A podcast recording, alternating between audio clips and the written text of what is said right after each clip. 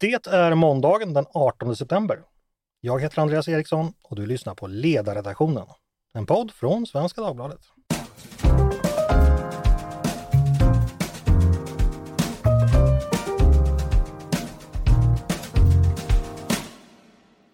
Varmt välkomna till oss och välkomna till en ny vecka i podden.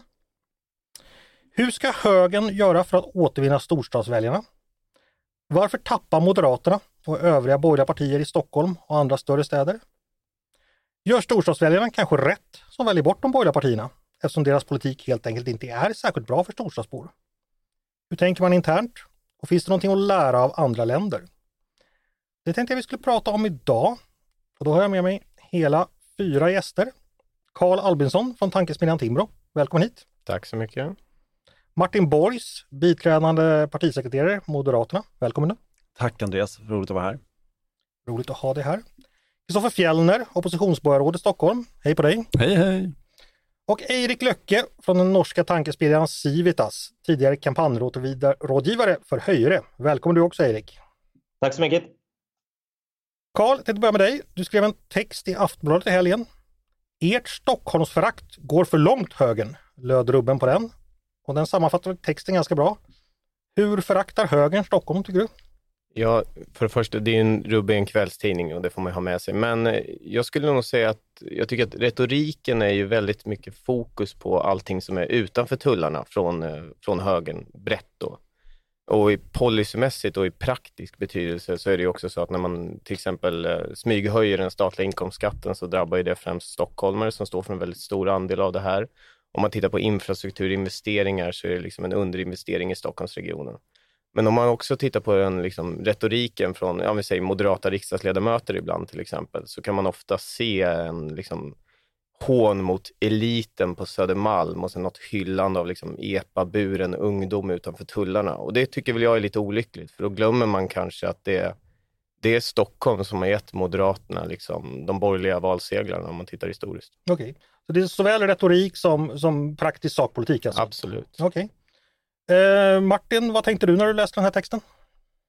Jag blev eh, glad för varje tillfälle att få diskutera de här frågorna. Det är ett exempel på att vi är här, här nu. Eh, möjligen kan jag tycka att eh, jag som har jobbat med frågorna i ett eh, snart ett år kände väl kanske att det var, eh, Karl var lite sent till festen. Alltså det här har ju varit ett stort nummer i både Moderaternas nationella eftervalsanalys, ett antal andra eftervalsanalyser och också utgångspunkten för ett stort valvinnarprojekt som nu pågår sedan några månader tillbaka om just hur vi ska vinna tillbaka förtroendet från storstadsväljarna. För där håller jag helt med Karl om att det, det måste vi göra för att det ska bli fortsatt liberal och konservativ politik i Sverige framöver.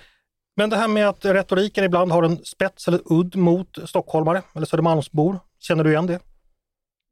Så här, om, om, om vi skulle sitta på Gröna jägaren på Söder så tror jag att eh, ja, då kanske inte så många uppfattar retorik överhuvudtaget från politiker. Men om man nu skulle ha liksom en, en, en, ett Stockholmsperspektiv på det, ja då kan man nog känna så. Men å andra sidan så åker du till Värmland så kommer de att tycka precis tvärtom där också. Så att det där är, tror jag, en, Nej, jag känner inte riktigt igen retoriken, det kan jag inte säga. Däremot så kan man väl säga att vi har ett antal utmaningar. Ehm, en, en av många, många utmaningar. Vi ska bara börja med att säga så här, det här är en internationell trend. Vi kommer tillbaka till Oslo sen som är ett intressant, förhoppningsvis, undantag i den trenden.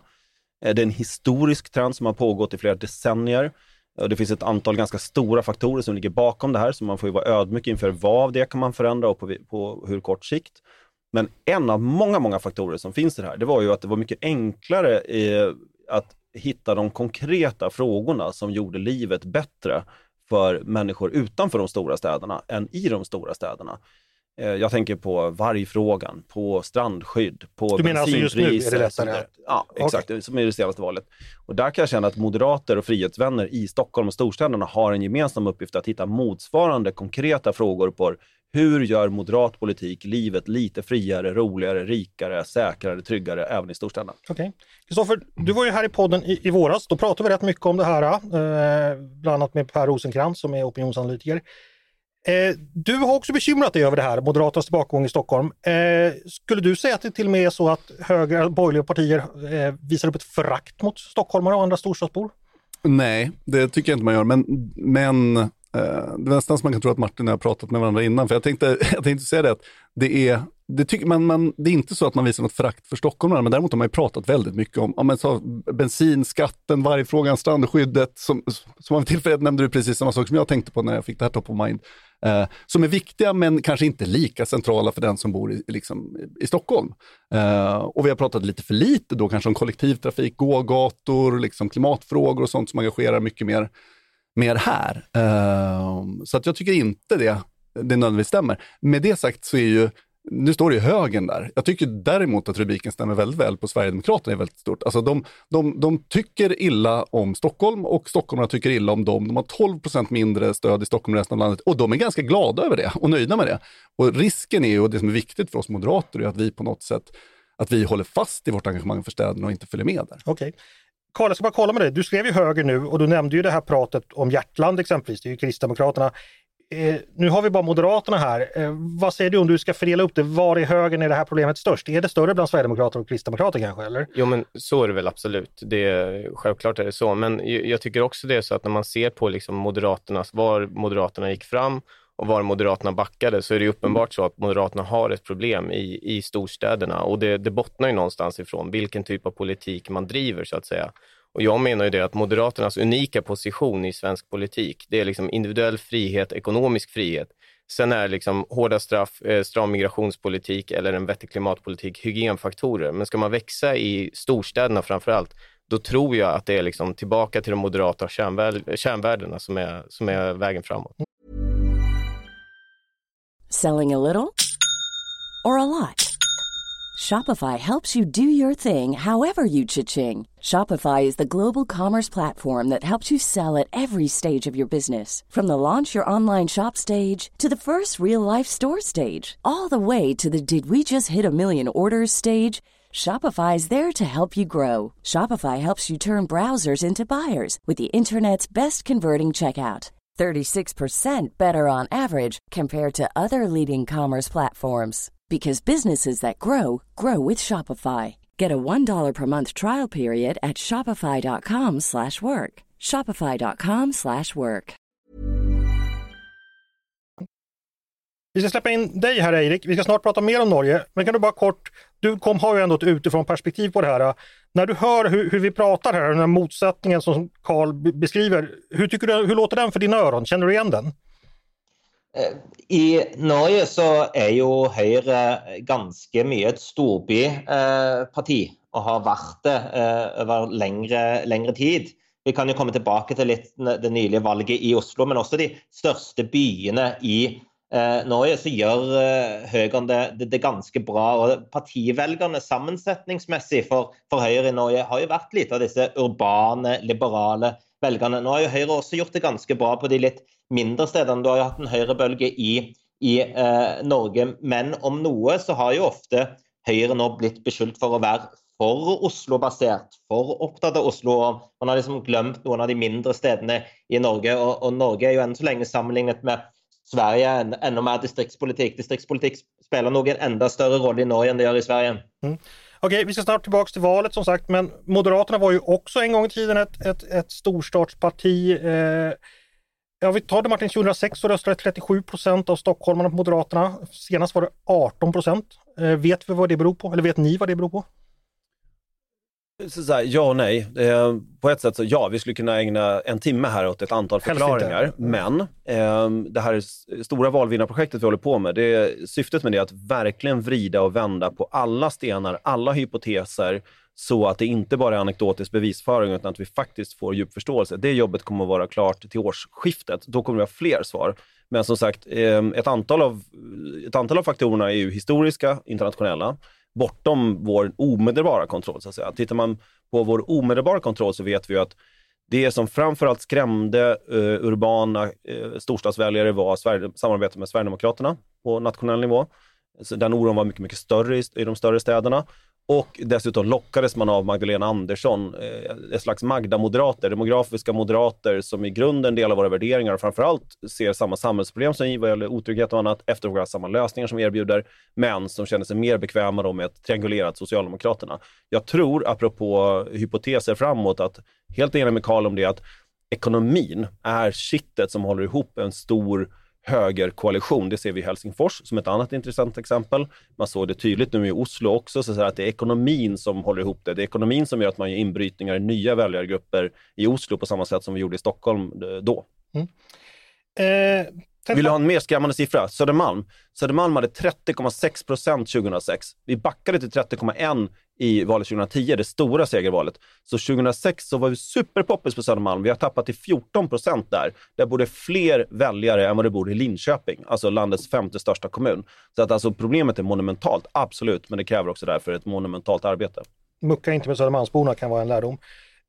Kristoffer, eh, eh, det var kommer man undan. Carl, Carl eh, han, han, nämnde ju några i den här artikeln, några väldigt konkreta frågor, exempelvis skatteutjämningssystemet. Massor med pengar, många, många miljarder går från framförallt eh, Region Stockholm och några kommuner i Stockholmsområdet.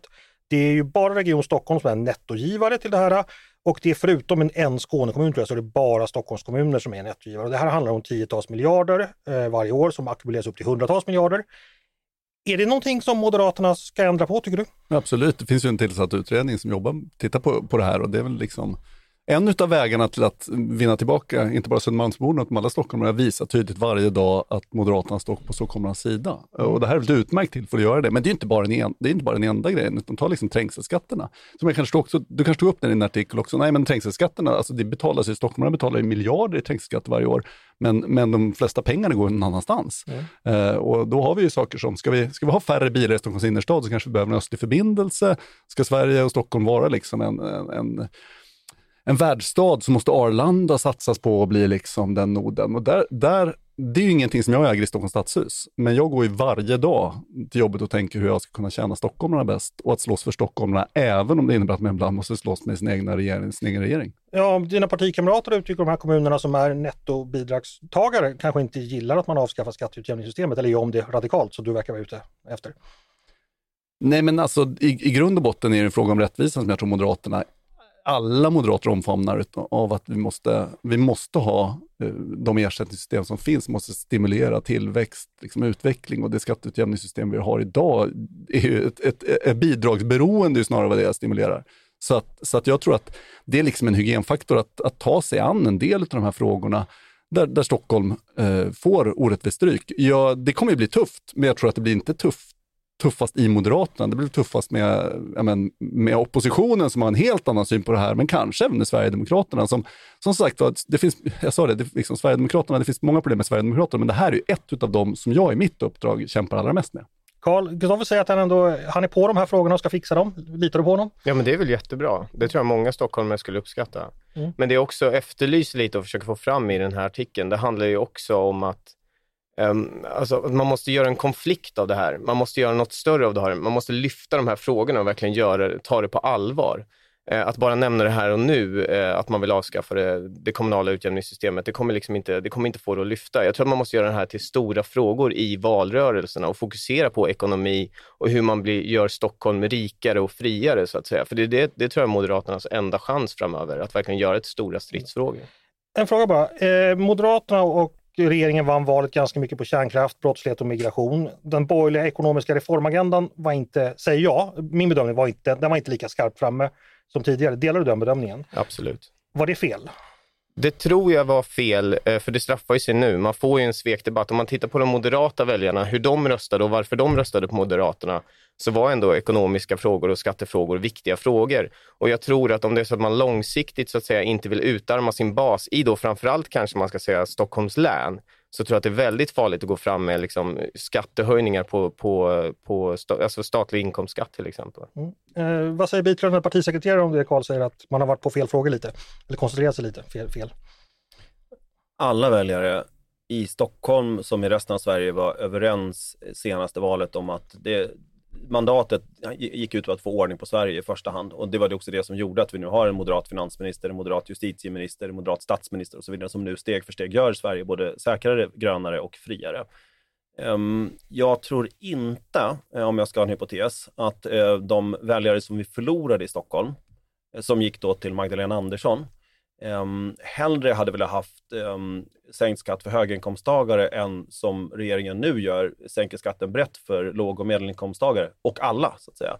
Tvärtom så är jag ganska säker på att det är precis det som, som de allra flesta svenskar vill ha. Sänk skatten för alla men mest för de som tjänar minst. Um, så att, ja, där är jag nog inte riktigt överens med Karl.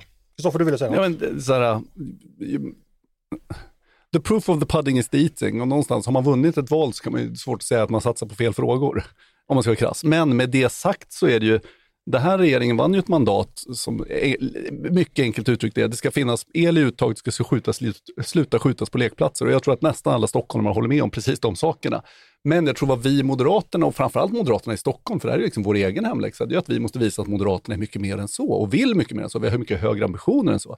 För det är någonting som jag känner, känner framförallt så är det liksom den här det finns en framtidstro, en hoppfullhet, en tillförsikt i den urbana i storstaden som jag tycker att, att, eh, att vi har varit för dåliga på att fånga upp och som finns i Moderaternas DNA. Även när det varit som allra mörkast, liksom 90-talskrisen, så, så, säger moderater saker som liksom, på tröskeln till mänsklighetens bästa tid, land för hoppfulla. Och det där, det handlar ju till stor del om ekonomi. Men inte bara om ekonomi. Det handlar också om liksom Stockholms plats i världen och sånt som jag tror att, att, att vi i Stadshuset måste jobba mycket med, men också måste liksom få draghjälp av regeringen i. Okej. Okay. Hörrni, vi ska lämna den svenska ankdammen eh, tillfälligtvis, flytta blicken västerut. I Norge var det ju val för två veckor sedan. Där blev Höyre största parti i de tre största kommunerna, i Oslo, Bergen och Trondheim. I Oslo fick, näst, eh, fick höjden nästan 33 procent medan Arbeiderpartiet bara fick 18. Erik, varför gick det så här? Vad är, vad är den enkla förklaringen? Den väldigt enkla förklaringen är att väljarna nog var missnöjda med den styrande socialdemokratiska och centerregeringen och ofta sådana nationella trender slår ju in också i eh, lokalval. Man skal også nevne her at for første gang på 100 år så er ikke Sosialdemokratene det største partiet i Norge. Så det er jo symbolsk ekstremt eh, viktig. Men, men, vel så mye som Høyres framgang, så er detta dette et, et, et et eksempel på hvor mye sosialdemokratene i, i, Norge sliter. Og Det er jo ikke bare i Norge, men det er jo också en trend som är väldigt internationell. Mm. Var vinner de borgerliga partierna väljare just nu eller i valet? Finns det någon enkel eh, förklaring där? Eller vet vi ungefär vilka det är som, som byter sida så att säga mellan blocken? Ja, vi kan si att eh, Du har ju dette uttrykket 'lilla velgere', de som är sånn flytvelgere mellom Sosialdemokraterne och Høyre. Och Disse har ju Høyre i stor grad vunnet nå det, det siste valget. Eh, och Så kan man jo stille eh, fråga om, varför det. Eh, og jeg tror vi skal være forsiktige med å se det valget i Norge som en sånn veldig høyrebølge som vi så på 80-tallet. At, at, dette nærmest var et sånn stemmer veldig for privatisering, marknad og nærmest sånn neoliberal politikk. Det var det ikke. Men det var mer det at eh, Sosialdemokratene og Venstre har gått så langt til venstre at, at eh, velgerne sa sånn Nei, nei, vi, vi, er nok nøyd med å ha lite private innslag i velferden. Vi, er nok nøyd, eh, vi, vi har lyst til å ha mer eh, verdiskapning. Eh, så, så, så Høyre traff ganske bra ved å, eh, ved, ved å være en motkraft mot venstrevridningen i Norge, som har vært ganske sterk. Det har vært høye skatteøkninger i, i Norge, og det, det, har velgerne vært misfornøyd med. Mm. Martin, du var ju i Oslo under valet har Moderaterna och övriga borgerliga partier någonting att lära sig från det som hände där? Väldigt mycket skulle jag säga. Vi åkte alla hem med fulla anteckningsblock. Vi har en ganska nära relation med Höjre och har lärt oss mycket av dem genom åren och de har inspirerats av oss också eh, emellanåt. Ehm, en, den viktigaste insikten är väl den här, de, de lila väljarna som Erik sänder, de här som finns mellan rött och blått. De är ju ganska många i Sverige också. Ett par hundratusen hos oss som överväger S, ett par hundratusen hos S som överväger oss. Alltså det är ju de som verkligen kommer att avgöra även nästa val det går att erövra de väljarna genom att vara den naturliga mittpunkten i norsk politik eller i svensk politik. Eh, och receptet för att göra det håller vi på att fundera på naturligtvis. Ekonomin, otroligt viktig. Alltså som sagt, det var ett, i hög grad ett, reak ett reaktionsval mot sittande regering i, i Oslo. På samma sätt så var det ju det i Berlin, där man ju reagerade på vanskötsel nästan från vänsterhåll som gjorde att, att man eh, valde högerstyre här i våras. Eh, men det som är den offensiva berättelsen, samma som i Helsingfors som sagt, det är ekonomin. Den, den, den strävande medelklassen som vill uppåt och som vill känna att det är rättvist att man får göra det och att man får någonting för de pengar man betalar. Det är kärnan i, väljarkoalitionen. Mm. Sen finns det mycket kring retorik och en massa annat som vi också snor med oss hem, men det kan vi återkomma till. Ja. Jag ska bara kolla med dig också Erik först. Eh, det här att vi pratar att det är en internationell bevegelse, att i storbyarna så, så, så går man till vänster och har gjort det under ganska lång tid. Eh, hur ser du på, på den, alltså hur mycket är vi i Skandinavien påverkade av då, hur mycket är så att säga kan vi, kan vi göra åt den, de enskilda partierna? Hur, hur ser du på det? Det är en intressant fråga. för att Om vi ser på gymnasievalget, alltså skolvalet, så gjorde högern det också ganska bra. och Det, det såg vi också i Sverige sist gång. Att du har en mer, mer än en slags neoliberal marknadsreaktion, så är det en mer sånn nationalkonservativ Eh, strømning blant många eh, mange ungdommer, som jo er interessant. Så gjenstår det å se hvordan dette slår seg ut også i, i storbyene fremover. Men jeg tror at Norge og til dels Skandinavien der har vært et lite unntak med det at du har hatt ganske liberale partier som er konservative. altså Høyre har vært mye mer liberal i Skandinavien enn i resten av Europa og verden. Og således har jo også Moderaterne og Høyre tradisjonelt vært veldig sterke i storbyene. I, i Norge, i Norge så, så, er vi det fremdeles. Eh, Jeg ser jo at Sverige har, har noen utfordringer, Moderaterna har noen utfordringer der. Men, men, men valget i Norge illustrerar i alla fall att man måste inte gå åt vänster. Eh, så, så, så där är några möjligheter där. Jag ska bara kolla med Karl, du jobbar med, med EU-frågor på Timbro. Den här internationella rörelsen med storstäderna åt vänster, är det någonting som man har ju talat om att den ska börja vända så småningom? Så här. Hur ser du på den utvecklingen? Ehm, vissa trodde ju att det var någon slags naturlag att det skulle vara så här, men jag tror väl att precis som sagts här innan att då måste man göra inbrytningar i de frågorna där man är stark så att säga. Och det handlar framförallt om ekonomin, tror jag. Och det är därför som historiskt Moderaterna har varit ett starkt storstadsparti. Det vill säga man har varit eh, progressiva, eller vad man ska säga, i, eh, i individuella frågor, så att säga, eh, i värdefrågor. Men samtidigt haft en eh, frihetlig och liksom högerinriktad ekonomisk politik som jag tror varit attraktiv för Stockholmsväljarna. Jag tror man måste hålla fast vid det och det tycker jag man glömde lite i förra valet. Mm. Martin, eh, det finns ju skillnader, eller det finns likheter med Oslo och, och, Norge, men det finns också stora skillnader. En så stor sådan är ju SD. Eh, hur värderar du den skillnaden, situationen mellan länderna? Ja, men otroligt stor, för som sagt, för, vi vet att oron, alltså oron, inte hur det faktiska hotet ser ut, men oron för vad, vad SDs inflytande på en borgerlig regering innebär var en stor faktor för att man inte röstade på exempelvis Moderaterna. Det finns ju absolut inte idag samma oro i Norge för att rösta på Höyre och därmed eh, få Fremskrittspartiet på köpet. Så var det ju för ett antal decennier sedan däremot. Så att, eh, på, då, på så sätt så ligger ju Norge, liksom Danmark och Finland för övrigt, långt före oss. Eh, så där, det är klart, det är ju en stor skillnad, ja. Och SD och Fremskrittspartiet har ju inte riktigt samma historia heller. Nej, det har de självklart inte, men jag skulle säga att eh, det är, ja, jag tycker ju att den oron som finns för SDs inflytande idag är inte befogad heller på det sättet som den uttrycks. Kristoffer, vad vill du säga? Nej men alltså sen är det ju också en, så här, vi kan ju inte förbise den helt uppenbara skillnaden och det är att man i Norge har skilda valdagar. Något som jag skulle tycka var väldigt skönt att ha i Sverige. Alltså, för som Martin var inne på, det finns en hel del, vad ska vi kalla Magdalena Andersson-moderater, människor som egentligen sympatiserar väldigt mycket med oss men som gick och röstade på Magdalena Andersson. Och sen får Karin Vangård som finansborgarråd istället. Och, och, jag tror att det är inte nödvändigtvis så att de blir helt lyckliga när de upptäcker att, att liksom det är Vänsterpartiet och Miljöpartiet som sätter agendan för deras vardag i Stockholm. Eh, men sen tror jag att vi är inne på någonting annat väldigt viktigt som jag tror alla är mer eller mindre omfamnar och som är en viktig lärdom och påminnelse för moderater. Och det är ju någonstans att Oslo är ett inspirerande exempel, men långt ifrån unikt. Helsingfors, Berlin, Madrid. Och, och, då tycker jag att man ska ställa sig frågan lite grann också, vad beror det på? Stockholm har ju, vi har ju alltid bytt majoritet i Stockholm och, och även Helsingfors och Oslo har haft liksom högermajoriteter på ett annat sätt än runt om i världen. Och jag som har spenderat lite för många år i Europaparlamentet skulle ju våga påstå att det finns en, en, en ganska betydande skillnad mellan Kokomos och Höyre och Moderaterna jämfört med våra systerpartier. Och det är ju just det här, alltså det finns ett liberalt stråk där. Alltså, Conservatives, Republikan, CSU, de är ju mycket mer agrara liksom till sin natur och mycket mer konservativa och saknat lite av det här hoppfulla, framtidstroende ekonomiska. Och att hålla i det, som Karl är inne på, jag tycker Erik också och Martin, det tror jag är jätteviktigt för oss. Eh, Erik, håller du med om det att de skandinaviska högerpartierna har, ser lite annorlunda ut än, än de kontinentala kanske när det gäller just det här frihetliga stråket? Ja, absolut. Eh, alltså högerpartierna i Skandinavien är mer liberala i, i, sin, i, i sin fremtoning enn en det kontinentale. Og, og, og, det tror jeg er noe av årsaken til at man også har lykkes tradisjonelt ganske bra i storstedene i, i Skandinavien, altså i Oslo, Stockholm, Helsingfors. Eh, og, og, det tror jeg er verdt eh, att å, å bevare.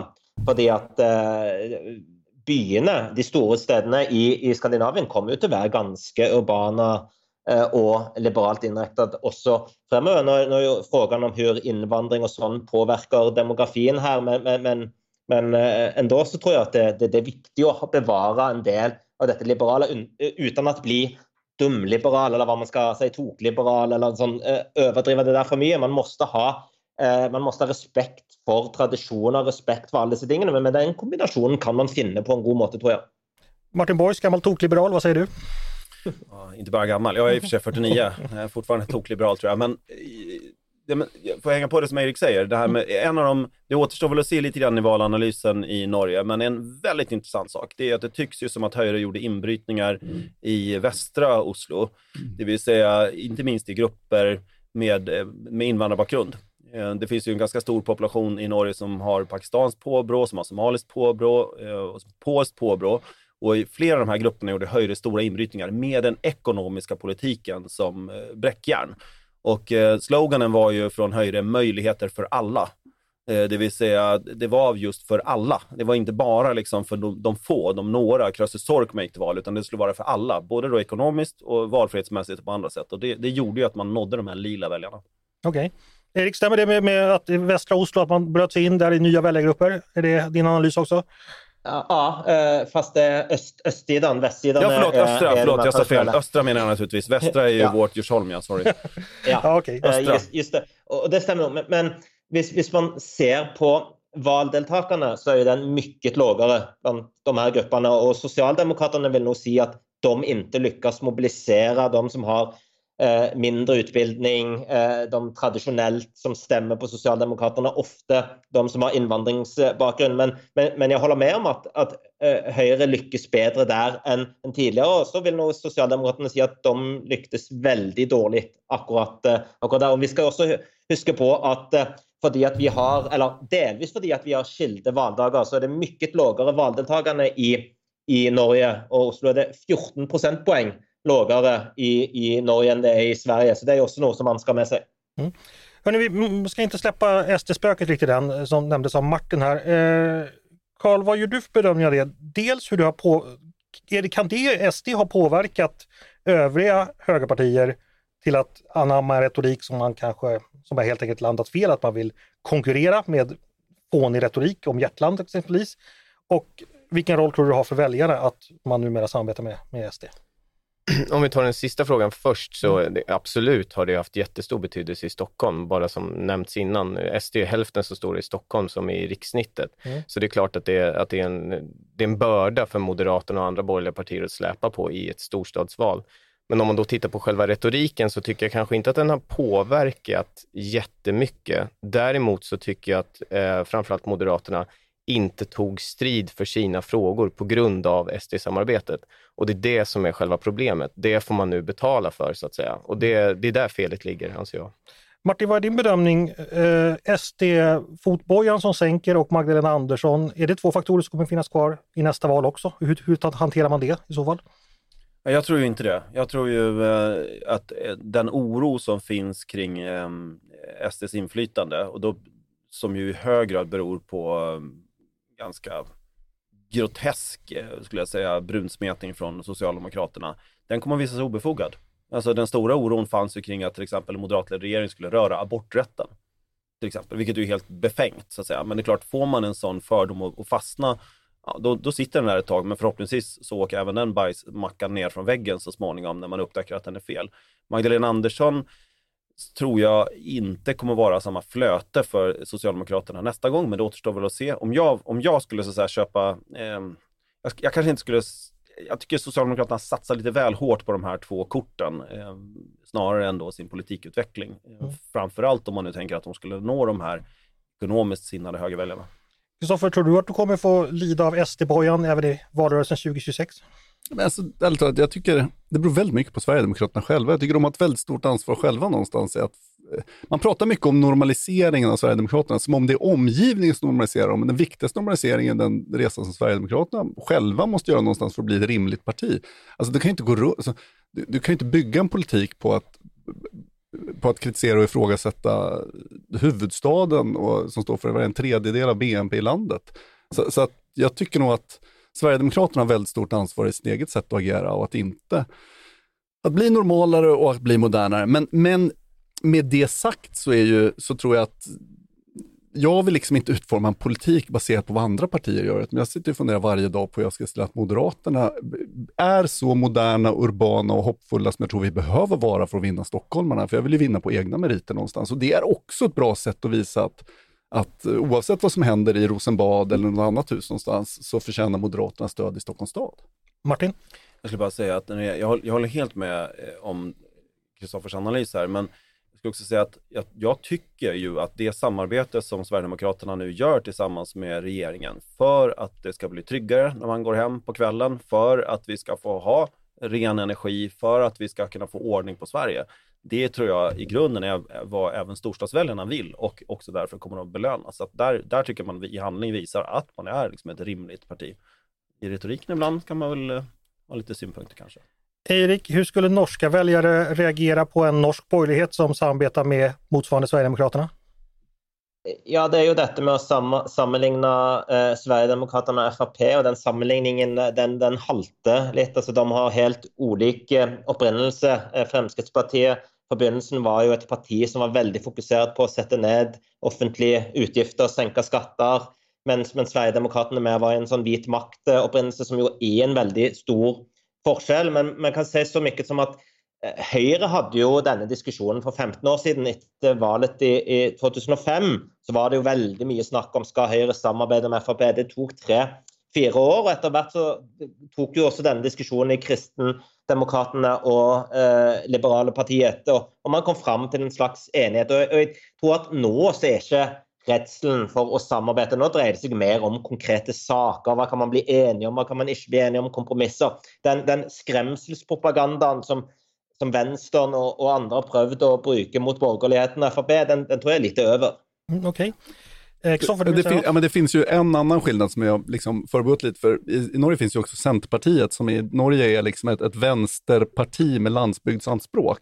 Och Sverigedemokraterna ja. i Sverige gör ju på något sätt anspråk att vara både FRP och Centerpartiet i Norge, vilket gör att det, liksom, av naturliga skäl så är det lite jävligare i en, i en stad som Stockholm och kunna liksom, ha relation till dem. Plus, inte minst det viktiga som Erik är inne på, att det, liksom, det springer ur två helt olika rörelser och idétraditioner. Men som sagt var, det är någonstans, jag, jag, tänker inte ägna de närmaste tre åren till att fundera på Sverigedemokraterna. Det gör alla andra ändå hela tiden. Men jag tänker fundera på hur jag ska göra Stockholm bättre. Mm. Hörrni, vi ska sy ihop det här. Så tänkte att ni skulle få eh, varsitt slutord här och eh, ge lite eh, råd till framtiden helt, helt enkelt hur borgerligheten ska återerövra de stora städerna och därmed fortsätta vinna val. Eh, Karl, ska du börja? Ja, jag skulle nog, mitt råd om vi då fokuserar på borgerlighetens största parti, Moderaterna som ändå de som sätter tonen för borgerligheten generellt, skulle jag nog säga att man ska fråga sig själv och gå tillbaka lite nu efter den här Pyrrhussegern som man, som man landade förra året och fråga sig själv varför finns Moderaterna? Vad är existensberättigandet för Moderaterna? Och det är en mindre stat eh, och mer individuell, mer individuell frihet. Och det är en, det är en strategi som kommer funka i, i storstäderna framförallt om man lägger fram den på rätt sätt och vågar ta strid för de frågorna man verkligen bryr sig om. Okej, vad säger du Erik? Har, har du något råd till Sötebror här? Eh, Nej, jag tror att de måste ta de eh, interna analyserna och se, se, vad man kommer fram till. Men ett gott råd är ju att ställa de riktiga frågorna och se om de svarene man kommer upp med är ting som väljarna kan känna sig igen i. Och så vill jag bara helt avslutningsvis säga att det är ju två väldigt viktiga skillnader på Norge och Sverige nu. En ting är ju att Norge har väldigt mycket oljemiljarder. Vi har så mycket miljarder att vi har et problem med att vi inte kan bruka för mycket pengar eh, på en gång, för det skapar för mycket inflation. Och det präglas ju också borgerligheten av i Norge. Det er nesten aldrig diskussion om mindre offentliga utgifter i Norge. Det är liksom bara att hålla bremsen där och det har ju också Høyre och borgerligheten blivit, vet ikke om man ska säga ett offer för. Det ville ju vært rart att inte kunna bruke en del pengar när man trots allt har det. Den andra delen är ju den stora skillnaden i fokus på brottslighet och invandring som nu är i Sverige och Norge som är ju helt olika.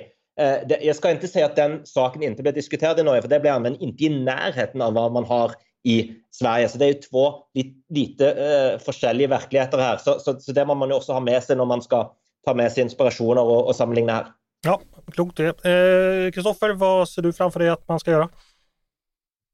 Det är ju den frågan jag ställer mig varje dag när jag vaknar på morgonen, det sista jag tänker innan Mm. jag går och lägger mig. Och, och, och det finns ju inget, det, det är svårt att sammanfatta i slogan, men låt mig försöka göra det ändå, just därför för att det är svårt. Och, och då tänker jag någonstans att det som har varit Moderaternas centrala DNA i alla tider har ju varit att det här är ett parti som samlar människor som vill uppåt, framåt, utåt. Och det är någonting som man måste känna att Moderaterna är eh, 2024. Och det blir inte nödvändigtvis så att man ska gå tillbaka och fundera på vad vi sa liksom på 90-talet och hitta samma, men men vår uppgift är att formulera, vad är en urban, modern och hoppfull höger? Hur ser den ut 2024? Och det kanske är, det kanske är fler gågator, det kanske är liksom eh, en helt annan syn på stadsbyggnad, det är ekonomi, men att framförallt, jag vill att alla väljare i Stockholm ska känna att Moderaterna, de är på Stockholmarnas sida. Gör de det, då kommer det gå bra helt oavsett de andra faktorerna. Martin, du får sista ordet.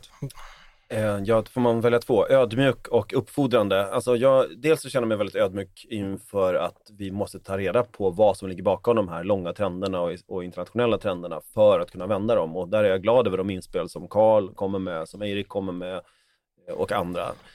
Ehm, och ehm, där kommer vi återkomma snart, tror jag, kring hur strategin ser ut framöver. Uppfordrandet är, jag tror inte på någon annanismen. Jag tror inte att det är liksom någon annan som ska fixa saker och ting. Det är någon annan som ska sänka skatten, det är någon annan som ska fixa, utan vill man se till att det blåser liberala, frihetliga vindar, då får man eh, börja blåsa helt enkelt. Eh, det gäller oavsett om man jobbar på Svenskans ledarsida eller på tankesmedjan Timbro eller i Stadshuset eller någon annanstans. Så att om vi alla gör vårt för att se till att det blåser eh, frihetliga vindar, då kommer det också föras en frihetlig politik.